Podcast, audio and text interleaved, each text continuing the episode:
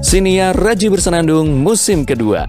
Tentu saja masih bersama saya Raji Araki. Selamat mendengarkan.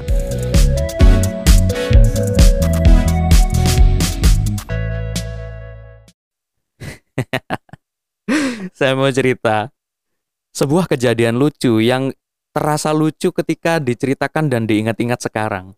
Kalau dulu bukan lucu ya, tapi menyeramkan. Karena ini kejadiannya dulu waktu di pesantren. Uh, dan pada suatu kondisi di mana waktu itu saya merasakan ini sebuah ses, uh, sebuah kejadian yang sangat membahayakan diri saya. Kayak gitu. Oke. Okay. Ceritanya begini. Dulu ketika masih di pesantren, saya itu pernah pergi ke masjid tidak pakai peci. Padahal santri itu kalau ke masjid itu harus pakai peci, bawa sajadah, bawa uh, tas sandal karena untuk naruh sandal kita biar nggak hilang. Sama kalau pakai sarung harus harus pakai sarung, bajunya dimasukin, terus pakai ikat pinggang juga. Pokoknya harus lengkap lah, harus lengkap. Bawa Quran. Karena begini, peraturannya adalah jadwalnya itu jam 5 sore, semua santri di pesantren itu harus berada di masjid, baca Quran sampai adzan maghrib. Ya kami berangkat dong ke masjid. Masalahnya waktu itu, saya sama satu kawan saya namanya Arba Urozikin, nggak tahu dia dengerin apa enggak ya, itu nggak pakai peci, kami berdua nggak pakai peci. Seharusnya kalau nggak pakai peci ini akan diberikan hukuman oleh eh, bagian takmir masjid.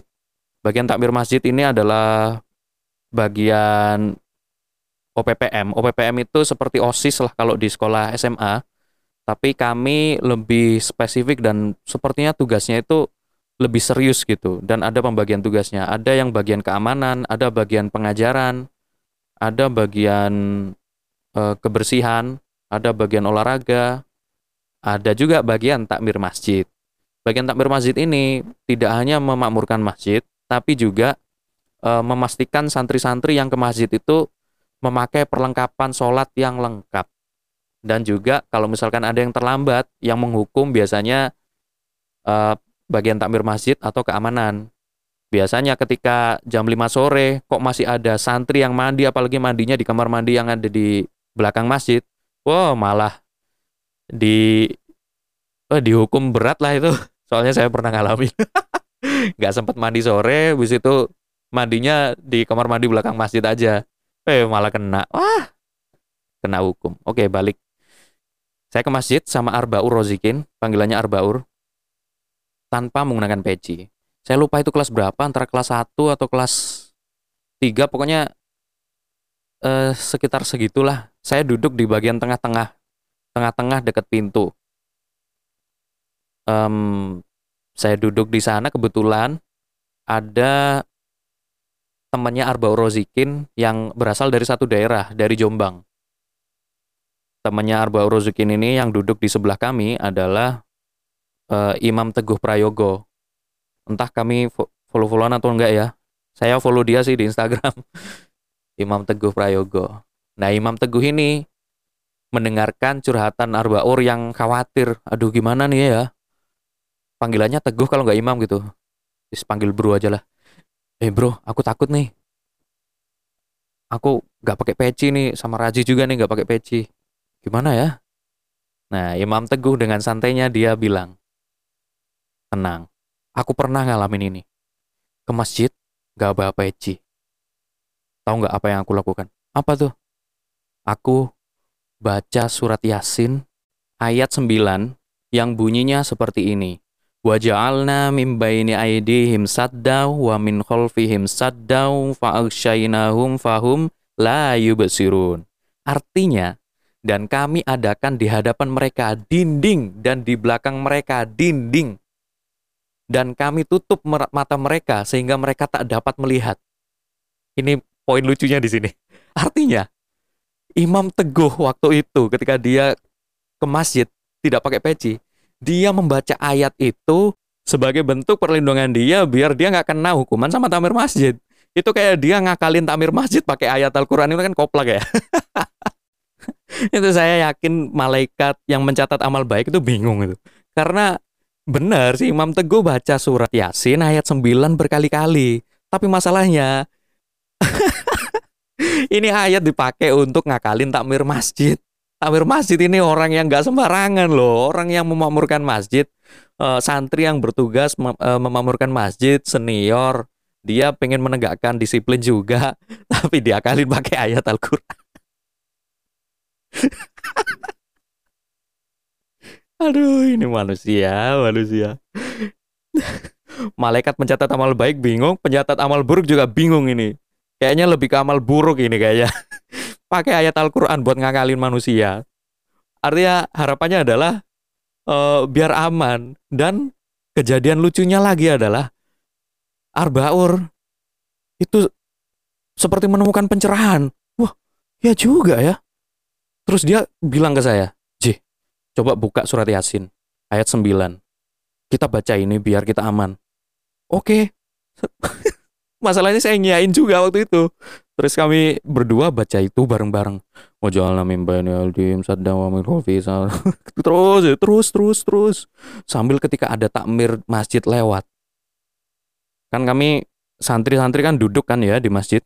Duduk penuh itu. Masjid itu penuh. Duduknya uh, duduk di setiap soft pokoknya takmir masjid itu pasti keliling untuk memeriksa apakah ada santri yang tidur, ada santri yang uh, ketiduran maksudnya ya, atau santri yang tidak pakai uh, alat alat-alat sholat, santri yang tiba tiba-tiba keluar masjid dengan alasan apa pun, alasan alasan yang tidak penting gitu akan tidak diperbolehkan untuk keluar, kecuali kalau ke toilet boleh.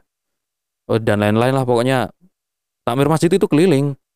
Ada santri yang malah ngobrol justru malah di, di disuruh berdiri habis itu di dihukum entah dijewer kan entah disuruh uh, hafalan surat-surat macam-macam nah ketika itu saya sama Arbaur lagi serius-seriusnya baca surat Yasin ayat 9 itu. Lalu lewatlah takmir masjid. Waduh ini. Aduh takmir masjid ini. Oh itu baca surat Yasin ayat 9 itu makin dikencengin loh. Oh baca Nabi ini berharap benar-benar tamir masjid yang lewat depan kami itu matanya benar-benar ditutup.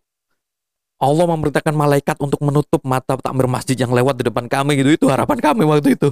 Ya Allah ya Allah jangan soalnya kalau kena hukum sama uh, takmir masjid itu kami disuruh berdiri disuruh berbalik ke belakang kan diliatin sama santri-santri banyak. Malu dong. Setelah, selain malu juga papan nama kami itu diambil. Setelah sholat maghrib disuruh datang ke kantor takmir masjid. Habis itu dikasih hukuman entah macem-macem lah. Dan itu kan uh, kami nggak mau gitu loh. Karena aktivitas kami kan banyak gitu. Akhirnya moment of truth. Ketika kami banyak serius baca surat yasin ayat 9 itu takmir masjid lewat di depan kami itu deg-degannya deg-degannya masya Allah uh, bener-bener takut banget. Itu takmir masjid lewat di depan kami lewat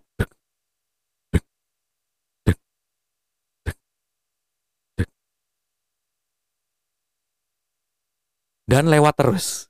Dia jalan aja. Itu rasanya ya Allah dalam hati senang. Alhamdulillah. Berarti kan ayatnya manjur ya?